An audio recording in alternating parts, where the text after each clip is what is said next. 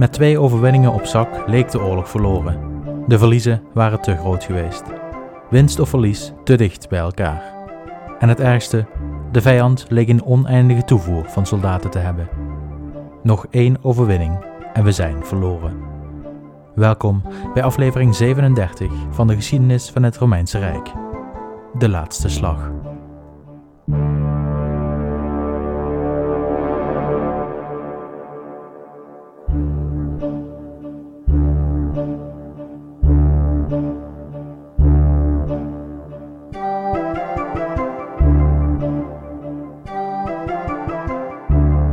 De vorige aflevering lieten we Pyrrhus achter terwijl hij te nauwernood de slag bij Asculum had gewonnen. Eenmaal terug in zijn winterkwartier ontving hij hulpoproepen welke zijn campagne drastisch zouden veranderen. Het jaar was 279 voor Christus, toen er een hulpvraag kwam uit zowel Macedonië als Sicilië. De Macedonische koning was in een gevecht met barbaren uit de Balkan van zijn paard gestoten en gedood. Met geen duidelijke opvolger en een oorlog die gewonnen moest worden, waren de Macedoniërs dringend op zoek naar een sterke Griekse koning met militaire capaciteit die het land kon leiden in deze chaotische tijden. De Griekse stadstaten in Sicilië vroegen Pyrrhus voor hulp bij het verdrijven van de Carthagers. Carthago was een van de twee grote machten in de mediterrane wereld. Als afstammelingen van de Feniciërs waren zij eeuwen eerder vertrokken uit de Levant om neer te strijken in hedendaags Tunesië. Hier stichtten ze de stad Carthago, volgens de legende door koningin Dido, die jullie kennen van de reis van Aeneas. Carthago zou in het eerste millennium voor Christus uitgroeien tot het belangrijkste handelscentrum van de hele mediterrane wereld. Met werelds grootste en sterkste oorlogsvloot waren ze eeuwenlang heer en meester over de Mediterrane Zee en wisten ze van Spanje tot aan de Levant steden en handelscentra op te zetten, die uiteindelijk het levenslicht gaven aan een groot rijk dat de grootste concurrent zou worden van Rome.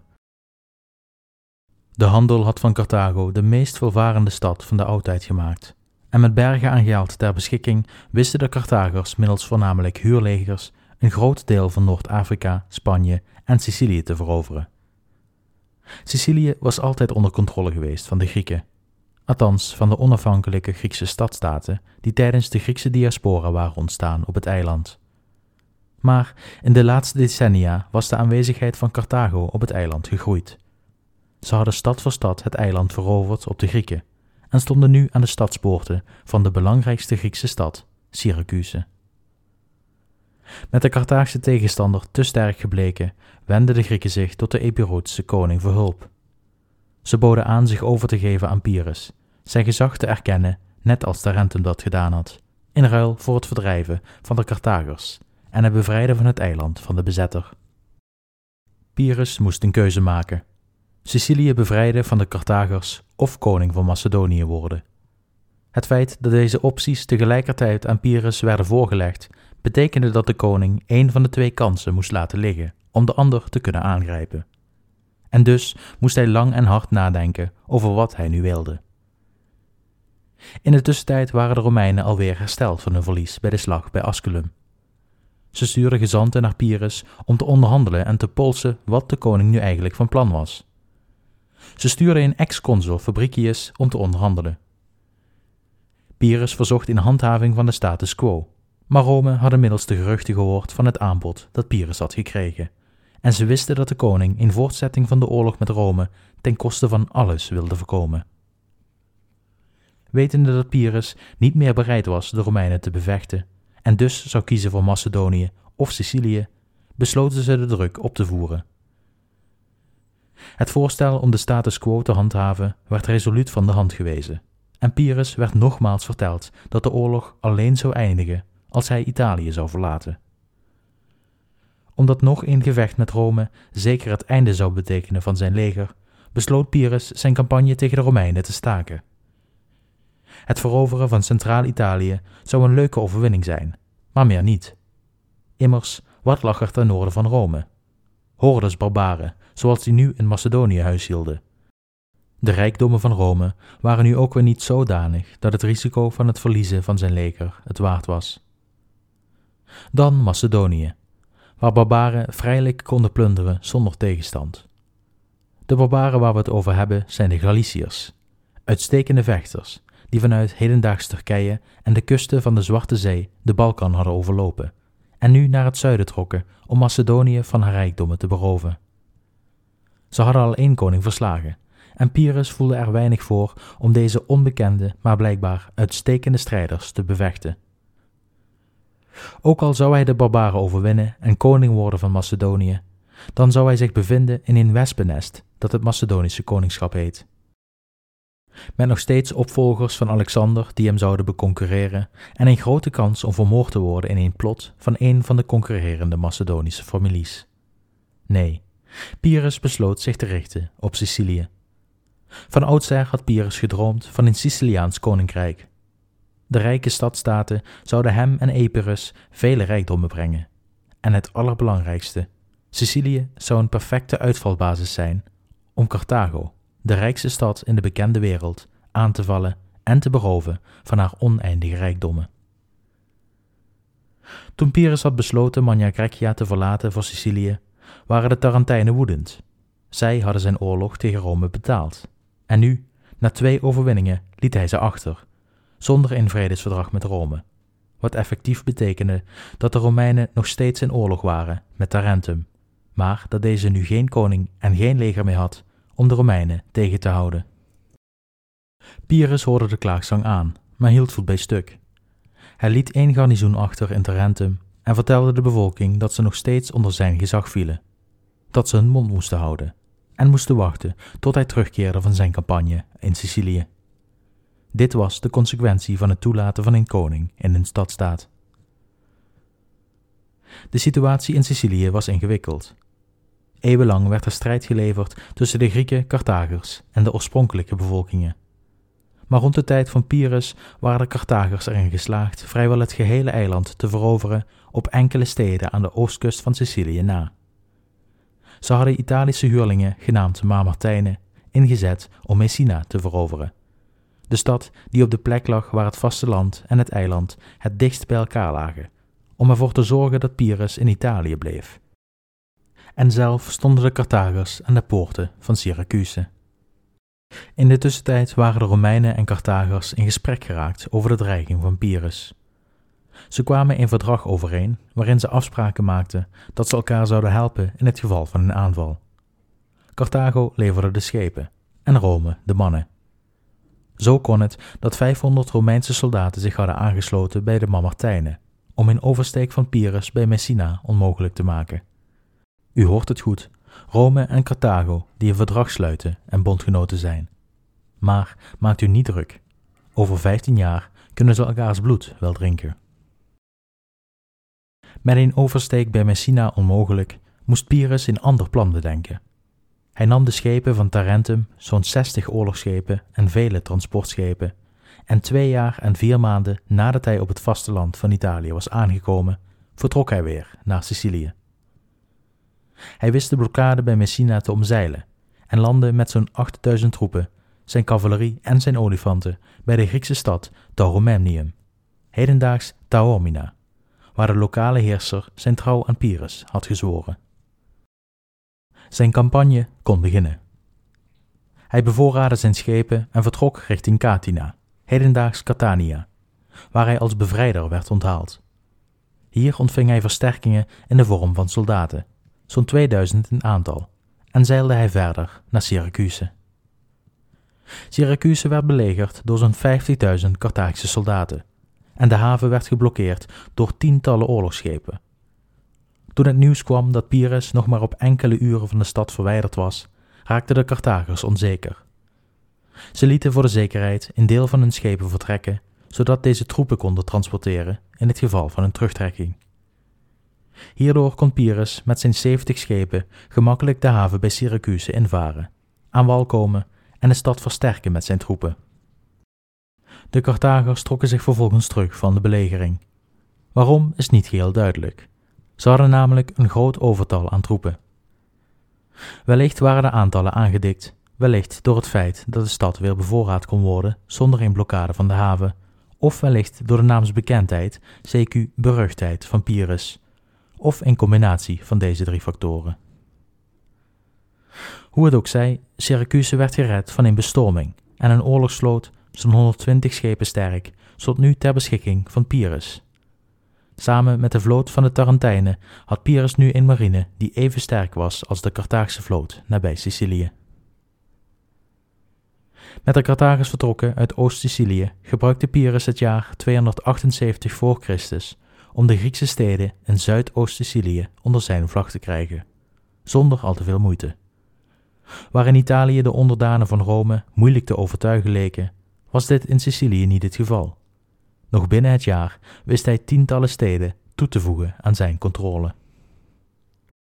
Hij kreeg van alle Griekse steden in Sicilië troepen geleverd, en aan het eind van 278 voor Christus telde zijn leger zo'n 30.000 soldaten en 2.500 ruiters. Verdere details over Pyrrhus' campagne in Sicilië zijn schaars. Er zijn slechts weinig bronnen die de periode beschrijven, en de bronnen die dat wel doen, zijn niet altijd betrouwbaar gebleken. We kunnen met enige zekerheid stellen dat Pyrrhus aan het eind van 278 voor Christus zijn leger bij elkaar had en voor het eerst het gebied introk dat al jaren tot Carthaags grondgebied behoorde. De rivier Halicus was het grensgebied tussen Grieks en Carthaags Sicilië, en Pyrrhus besloot de oversteek te maken om de Carthagers aan te vallen. Waar zijn campagne tot nu toe zo voorspoedig was verlopen, zou dit snel veranderen. Waar de steden die hij veroverd had Griekse inwoners hadden, kwam hij nu in gebied met Carthaagse inwoners. De bereidheid van de steden om zich bij hem aan te sluiten zou volledig verdwenen blijken. Daarvoor moest hij eerst laten zien wat hij in zijn mars had. De eerste stad net voor de rivier Halicus was Heraclea Minoa. Door het ontbreken van bronnen kan ik u alleen melden dat de stad werd verdedigd door een klein garnizoen Carthagers. De stad werd door Pyrrhus bestormd en veroverd, waarna hij langs de kust doorstootte en vervolgens nog enkele steden veroverde door een bestorming. Hij trok hierna van de zuidkust van het eiland naar de noordwestkust. Onderweg liep de stad Segesta over naar Pyrrhus, en dit zou de laatste makkelijke verovering zijn in zijn campagne. We zullen niet lang stilstaan bij de campagne van Pyrrhus in Sicilië. Wat we kunnen stellen is dat de Carthagers nu een defensieve oorlog voerden. Omdat ze de krijgskunst van de Griekse generaal vreesden, kwam het niet door een alles beslissend gevecht, maar besloten de Carthagers hun leger op te delen en die te verdelen tussen de belangrijkste steden als garnizoen. Dit zorgde ervoor dat Pyrrhus relatief gemakkelijk te werk kon gaan in het westen van Sicilië. Stad voor stad werden de Carthagers belegerd en veroverd door de koning, waarbij hij zelf meermaals aan de frontlinie vocht. Het grootste succes van de koning op het eiland was de inname van de stad Erix. Dit was een vestingstad, gelegen op een strategische plek op het eiland. De stad fungeerde als een soort knooppunt tussen de omringende gebieden en werd door een sterk garnizoen van de Carthagers verdedigd. Pyrrhus belegerde de stad in 278 voor Christus, maar realiseerde al snel dat het maanden zou duren voordat de stad zonder voorraden zou komen te zitten. Niet lang nadat de belegering was begonnen, besloot Pyrrhus tot een bestorming van de stad. Deze actie was risicovol. Wanneer de bestorming zou falen, zouden zijn mannen afgeslacht kunnen worden onderaan de hoge muren. Pyrrhus was echter vastberaden de stad aan te vallen en hij greep deze bestorming aan om zijn naamsbekendheid te vergroten en zelfs om op gelijke hoogte te komen met Hercules, die volgens de Griekse mythologie een geschiedenis had in de stad.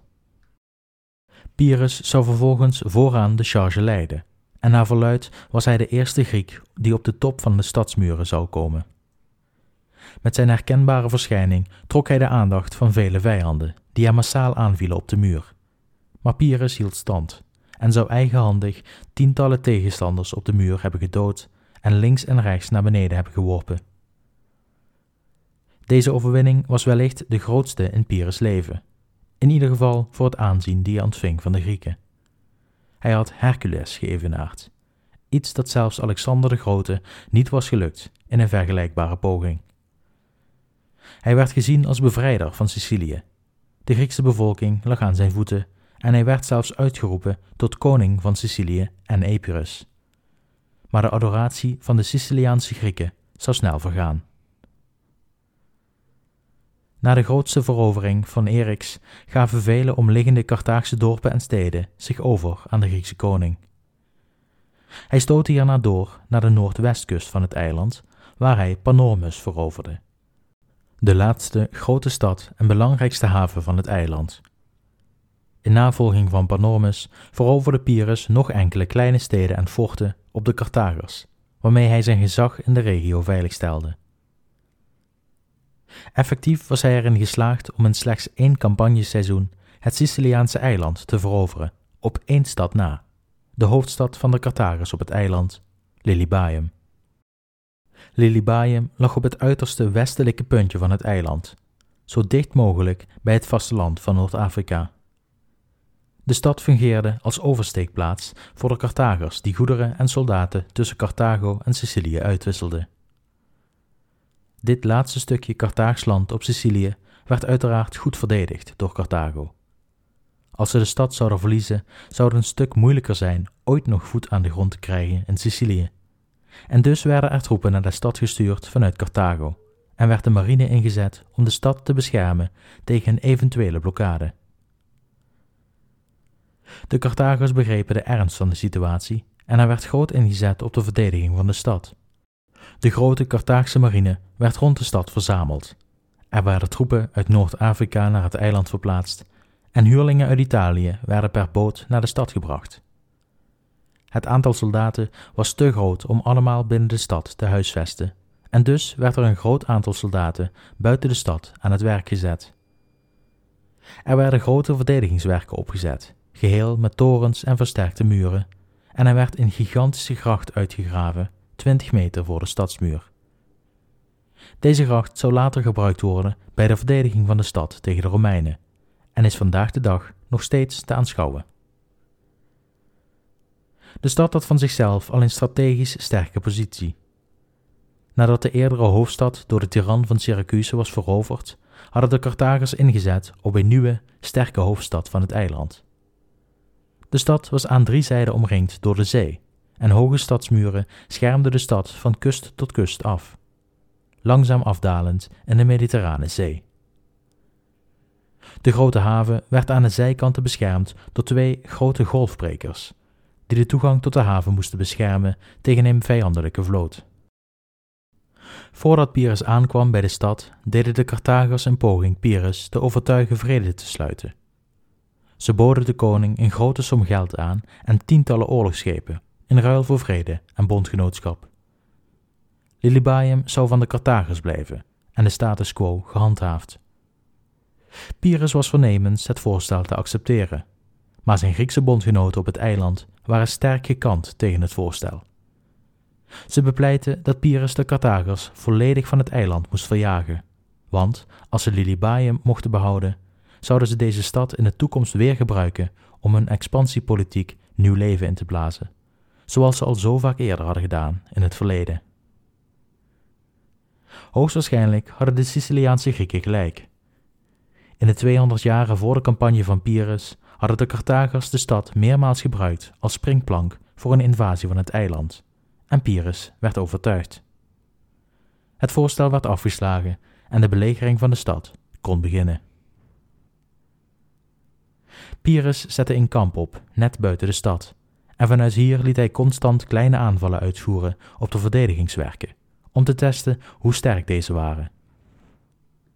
De voorbereiding van de Carthagers wierp zijn vruchten af, en de aanvallen van de Grieken konden steeds eenvoudig worden afgeslagen. Vervolgens liet Pyrrhus grote belegeringswerktuigen bouwen om de muren te kunnen beklimmen en begon hij met het graven van tunnels die de muren moesten verzwakken. Twee maanden van de belegering gingen voorbij, zonder dat de stad enige tekenen van verzwakking gaf. De werktuigen konden de muren niet bereiken en ook de tunnels boden geen soelaas. Met de aankomende wintermaanden besloot Pyrrhus de belegering op te heffen. Hij zag in dat een snelle verovering van de stad voor nu onmogelijk was. De stad kon via de haven constant bevoorraad worden en zijn oorlogssloot bleek niet bij machten de Carthaagse marine pijn te doen. Met een blokkade van de haven onmogelijk bedacht Pyrrhus daarom een nieuw strijdplan. Een plan dat hem uiteindelijk zijn hele progressie in Sicilië zou kosten. Pyrrhus besloot Lilybaeum te laten voor wat het was. De stad was te sterk gebleken. In plaats daarvan besloot hij plannen te maken om te landen op de Noord-Afrikaanse kust, om vanuit daar de hoofdstad Carthago te belegeren. Een nieuwe campagne voor het nieuwe jaar dus. Hij herhaalde dus in feite wat hij ook in Tarentum had gedaan. Hij bevocht zijn vijand met succes, maar wist niet de genadeklap te geven aan zijn vijand. In plaats daarvan brak hij zijn campagne voortijdig af om aan een nieuw avontuur te beginnen. En, net zoals de Tarentijnen, voelden de Sicilianen zich bedrogen door Pyrrhus. Ze wilden eerst dat het eiland volledig bevrijd zou worden van de Carthagers, voordat er een nieuwe campagne zou beginnen. En dat was niet voor niets. Want zoals ze voorspeld hadden, zouden de Carthagers in de jaren na het vertrek van Pyrrhus snel herstellen op het eiland en grote delen overnemen. Maar Pyrrhus was niet overtuigd van de woorden van zijn bondgenoten. Zijn nieuwe plan, dat zou zijn grootste overwinning worden. Maar om zijn nieuwe plan te laten slagen, moest hij een vloot hebben die zijn leger kon transporteren over de ruwe zee tussen Sicilië en de Noord-Afrikaanse kust. Hij liet berichten sturen naar zijn Siciliaanse bondgenoten om direct te beginnen met de constructie van een nieuwe vloot voor zijn Afrikaanse campagne. Maar de Griekse bondgenoten gehoorzaamden niet. Pyrrhus hield zich niet aan de afspraken van hun hulpvraag.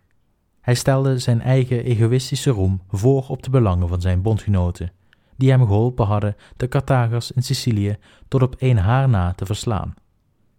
Met nog maar één stad te veroveren, besloot de onrustige Pyrrhus nu weer zijn biezen te pakken en te vertrekken. En dat was simpelweg niet volgens afspraak. Toen Pyrrhus vernam dat het vriendelijke verzoek werd afgeslagen, besloot hij het iets minder vriendelijk te vragen. Zijn garnizoenen in de stad gingen te wapen en de Sicilianen werden gedwongen tot de constructie van de vloot. Pyrrhus veranderde van een bevrijder in een tiran. Hij verhoogde de belastingen gigantisch om zijn vloot en leger te kunnen betalen en hij dwong zijn vroegere bondgenoten mee te werken aan een plan waar ze niets in zagen. Dit was het punt waarop voor Pyrrhus alles ineen zou storten. Zijn titel van koning van Sicilië werd hem afgenomen en zijn bondgenoten weigerden verder mee te werken. Sommigen begonnen zelfs met de Carthagers samen te werken om Pyrrhus weg te krijgen van het eiland.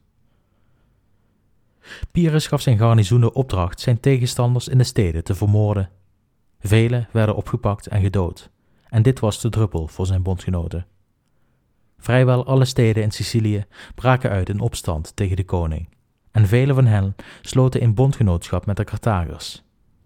Pyrrhus bevond zich nu omringd door vijanden, en zijn positie werd te moeilijk om te handhaven. De Carthagers voelden zich inmiddels zeker genoeg om over te gaan tot een offensief.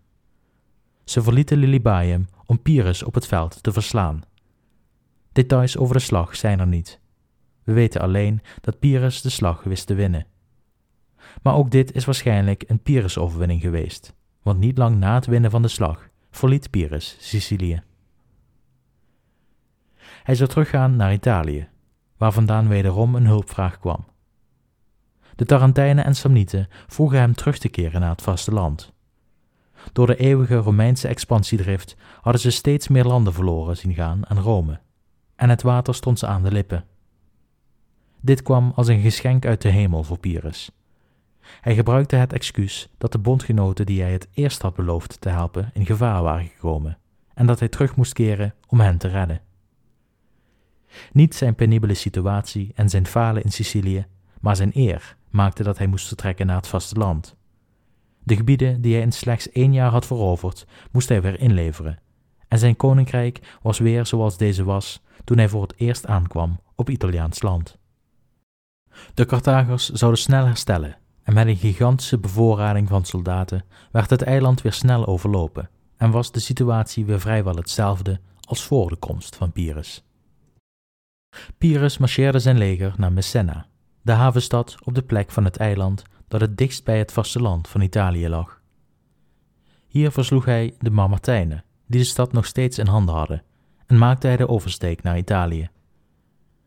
Pyrrhus' campagne op Sicilië had geduurd van 278 tot en met 276 voor Christus en kende grote successen, maar aan het eind van de campagne hield de koning niets over aan zijn veroveringen. Zijn droom van een Siciliaans en Afrikaans koninkrijk zou voor eeuwig vergaan. Toen Pyrrhus aan boord van zijn schip het smalle waterlichaam tussen Sicilië en Italië overstak, zou hij volgens Plutarchus gesproken hebben: Mijn vrienden, wat laten we een geweldige arena achter voor de Romeinen en Carthagers om elkaar te bevechten. Maar zoals zo vaak is dit in fabricatie. Want Pyrrhus had zijn droom van een Siciliaans-Afrikaans koninkrijk ingeruild voor een Italiaans koninkrijk. En om dat te realiseren moest hij de Romeinen verslaan. Tijdens Pyrrhus' afwezigheid had Rome groot ingezet op expansie. Meteen na het vernemen van de afwezigheid van Pyrrhus steeg het geloof van de Romeinen in een goede uitkomst en hervonden ze hun moed. In het jaar na zijn vertrek begonnen de Romeinen campagnes naar het zuiden.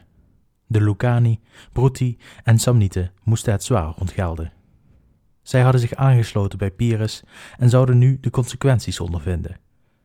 De verovering van Tarentum werd uitgesteld. Eerst moesten de bondgenoten eraan geloven. In 277 voor Christus stuurde Rome de twee consuls op oorlogspad, waaronder Fabricius, die de ene na de andere overwinning op de Italische volkeren en de Grieken aan elkaar reeg. Beide consuls kregen een triomftocht in Rome, de een in 277 en de ander in 276 voor Christus. Het dertiende boek van Livius, die helaas verloren is gegaan, zou vol hebben gestaan met verslagen over succesvolle Romeinse campagnes tegen de Etrusken, Samnieten, Lucani en Bruti. Dit succes in de drie jaren na het vertrek van Pyrrhus had het Romeinse grondgebied uitgebreid tot diep in het zuiden van Italië. Slechts enkele Griekse koloniën waren niet aan de republiek toegevoegd. Voor het merendeel te danken aan het garnizoen die Pyrrhus had achtergelaten bij zijn vertrek. Met de oorlog in het voordeel van Rome landde Pyrrhus dus wederom op het vasteland van Italië. Hij kwam waarschijnlijk aan ergens tussen Regium en Locris, twee steden in de punt van de laars van Italië. Beide steden hadden zich overgegeven aan een vijand tijdens Pyrrhus' afwezigheid. De Mamertijnen hadden een leger van 10.000 mannen naar Regium gestuurd en Locris was inmiddels in handen van een Romeins garnizoen. Pyrrhus besloot als eerste richting Locris te marcheren. De inwoners van de stad stonden bekend om een losse interpretatie van bondgenootschap, en ook ditmaal wisselden ze van kant toen een vijandelijk leger op de poorten marcheerde. De bevolking kwam in opstand tegen het Romeinse garnizoen en joegen de Romeinen weg. Pyrrhus werd hartelijk verwelkomd als nieuwe koning. Hierna zette Pyrrhus zijn zinnen op Regium. Hij vertrok via de kust naar de stad, terwijl zijn marine hem niet ver uit de kust volgde. De Carthagers, die inmiddels bij Messana gearriveerd waren, gingen in de aanval. Een zeeslag tussen de Griekse en Carthaagse schepen volgde met laatstgenoemde als grote overwinnaar. Pyrrhus zag vanaf de kust hoe zijn 120 schepen die hij over had gehouden van zijn Siciliaanse campagne werden teruggebracht tot slechts 20. Honderd schepen zonken naar de zeebodem en met hen het overgrote deel van de oorlogsbuit die Pyrrhus had weten te verzamelen in Sicilië. Met het verlies van zijn marine werd Pyrrhus gedwongen terug te trekken naar Locris. Tijdens de terugtocht werden de Grieken constant aangevallen door kleine groepen Mamertijnen, die een hit-and-run tactiek hanteerden. Steeds weer werden de Grieken verrast door een hinderlaag en ze leden zware verliezen. Zelfs twee olifanten werden door de belagers gedood. Pyrrhus was woest en hij besloot zijn leger persoonlijk te leiden in de aanval op de Mamertijnen. Hij reed naar de punt van zijn kolonne en toen een volgende hinderlaag plaatsvond, reed hij vooraan om zijn troepen te inspireren.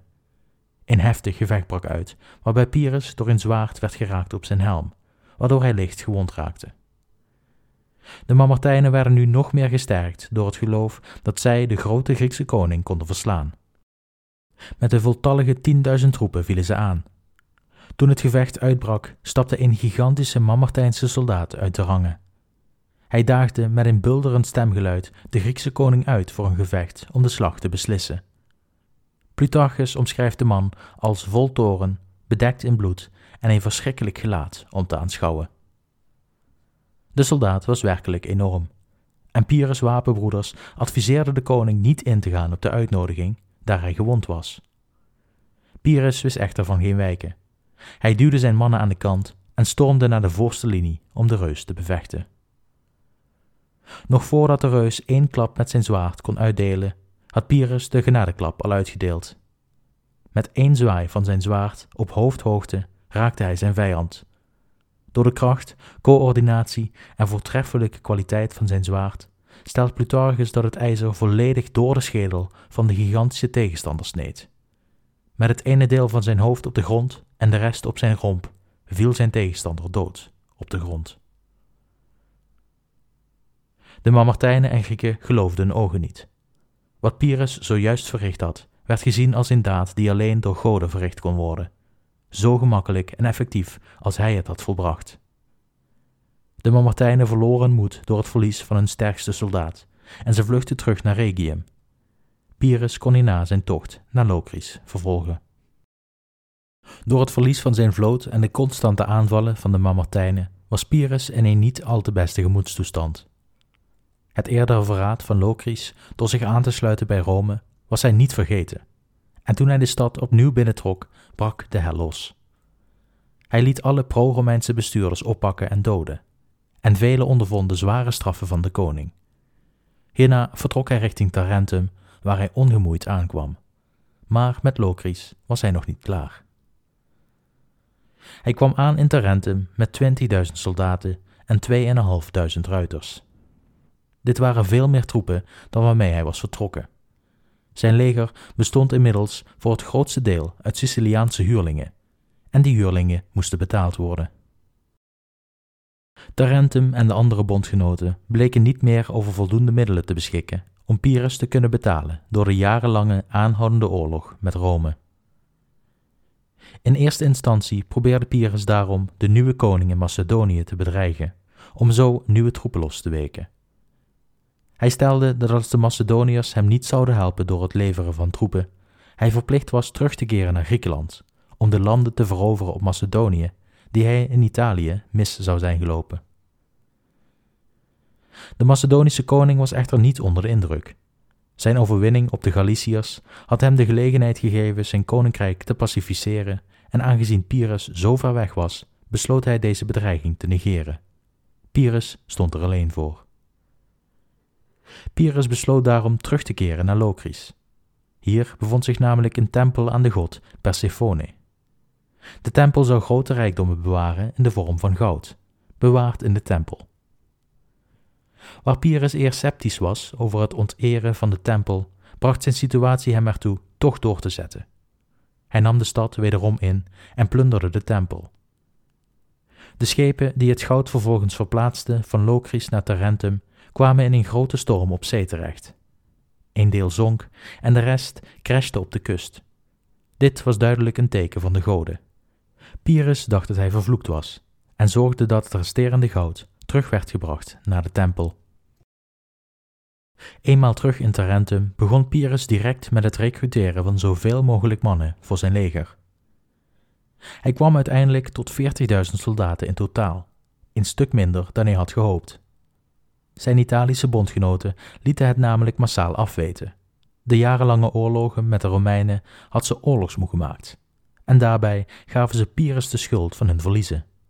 Was hij enkele jaren geleden niet vertrokken, dan hadden ze nu wellicht als overwinnaars kunnen dineren op het Capitool in Rome.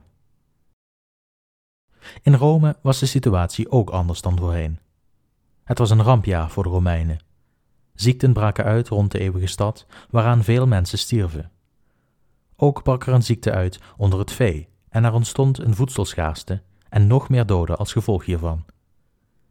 In 276 voor Christus werd er een census gehouden waaruit bleek dat Rome in één jaar 16.000 inwoners was verloren aan de omstandigheden. Daarbovenop kwam ook nog eens een blikseminslag op het standbeeld van Jupiter, dat hem onthoofde, een voorteken dat de Romeinen onsuccesvol zouden zijn in een toekomstige oorlog. Dan was er ook nog eens vernomen dat Pyrrhus, de man die hen al twee keer de baas was geweest, was teruggekeerd met een groot leger. Als gevolg van al deze slechte voortekenen was Rome net zo oorlogsmoe geraakt als de Italische bondgenoten. Maar zoals zo vaak bleek de Senaat ongevoelig voor dergelijke voortekenen. de oorlog moest worden voortgezet. En toen de bevolking werd opgeroepen te dienen in het leger, weigerde deze in eerste instantie. De consuls dreigden de oproepers alle bezittingen af te nemen en hen te verkopen als slaaf als ze geen mannen zouden aanleveren. En toen deze dreigementen voor één ongelukkige man werden uitgevoerd, gaf de rest toe aan de wens van de consuls. Het leger werd alsnog verzameld en de invasie van Magna Grecia kon beginnen. De Romeinen verdeelden het leger over de consuls, ieder met de gebruikelijke twee legioenen aan Romeinen en een even groot aantal auxilia. In totaal ongeveer 20.000 troepen per consul. De ene consul vertrok naar Samnium en de ander naar Lucania. Eenmaal daar aangekomen dwongen de Romeinen de door de oorlog verzwakte Italische volkeren terug de gebergte in, waar ze bericht stuurden aan Pyrrhus en hem smeekten in te grijpen. Als hij nog langer zou wachten, zouden de Romeinen overwinnen en lag er niets meer tussen Tarentum en de Romeinse grens. Pyrrhus gaf gehoor aan de hulpoproep. Hij was bezig met een campagne in Zuid-Italië om de neuzen dezelfde kant op te krijgen, maar besloot deze af te breken om zijn bondgenoten te helpen. Hij marcheerde met zijn leger direct naar Centraal-Italië.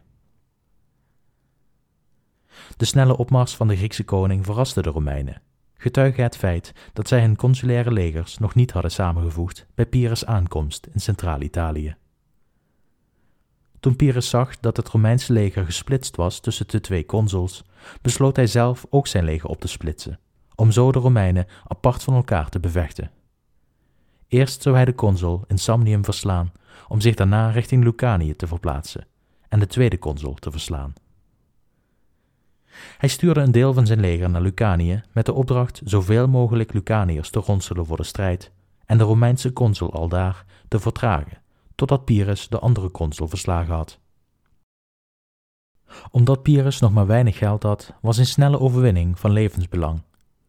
Hij stond echter tegenover een consul met een reputatie van een doorgewinterde generaal. Zijn naam was Manius Curius Dentatus, maar wij noemen hem voor het gemak Curius.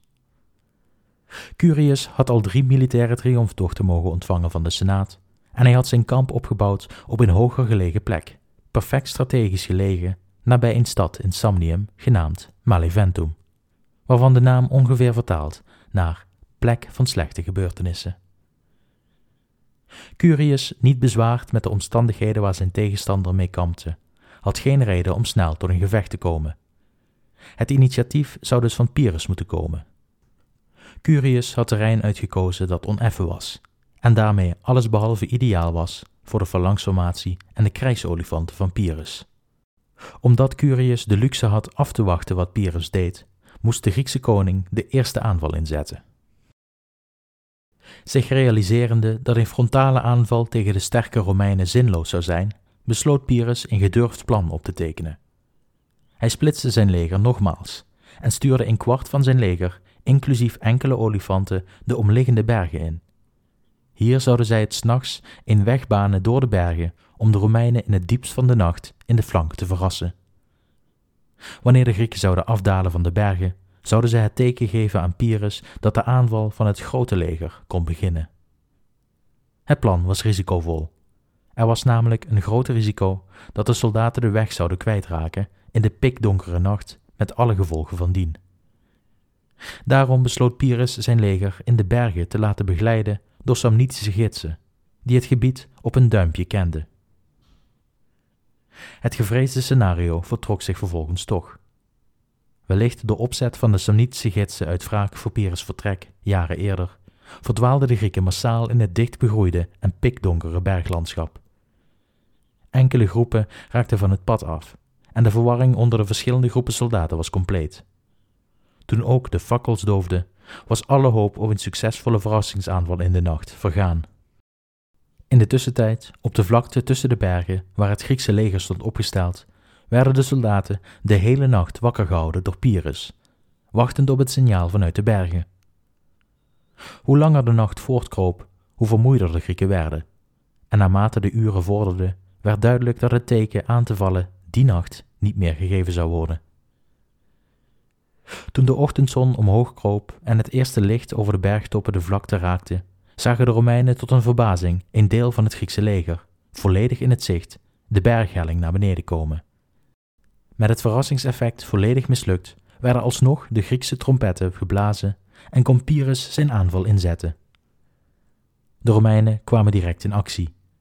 Een deel van de Hastati, Principes en Velites, die laatste is de naam voor de lichtbewapende speerwerpers, werden richting de afdalende Grieken gestuurd.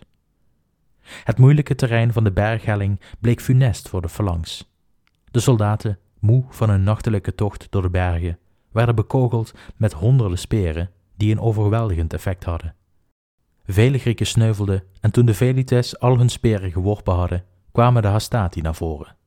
Ook zij wierpen hun pila op de Grieken, wat hen nog meer verzwakte. Nu zetten de uitgeruste Hastati hun frontale aanval in, en het duurde niet lang voordat de phalanx op het punt stond gebroken te worden. Alles leek verloren op de flank, maar de olifanten die door de bergen waren meegebracht werden ingezet. Via beide flanken kwamen de olifanten naar beneden stormen, voor een herhaling van Heraclea en Asculum. Maar ditmaal hadden de Romeinen geleerd van hun fouten. In afwachting van de charge van de krijgsolifanten hadden de Romeinen de principes op de flanken gestationeerd, iets achter de Hastati. Toen de olifanten op de flanken in wilden beuken, wierpen de Romeinen massaal hun pila op de olifanten, waardoor deze in grote paniek geraakten. Volledig door het lint en onbestuurbaar draaiden de olifanten zich om om recht op de dicht op elkaar opgestelde flanks in te rennen. De Griekse formatie werd doorbroken en de Hastati zette de aanval voor de laatste keer in. Vele Grieken stierven in de minuten die volgden en de verrassingsaanval was volledig mislukt. De Romeinen, gesterkt door de mislukte poging van de Grieken, hergroepeerden zich op de vlakte en renden massaal bergafwaarts richting Pyrrhus overgebleven leger. Het gevecht dat ontstond kent vele versies, maar wordt in alle versies beslist door de olifanten. Toen de eerste Romeinse linie op die van de Grieken botste, ontstond er een bloedig gevecht, zoals dat ook bij Heraclea en Asculum had plaatsgevonden. Alleen waren ditmaal de omstandigheden meer in het voordeel van Rome. De vermoeide Griekse soldaten gaven grond weg aan de flanken.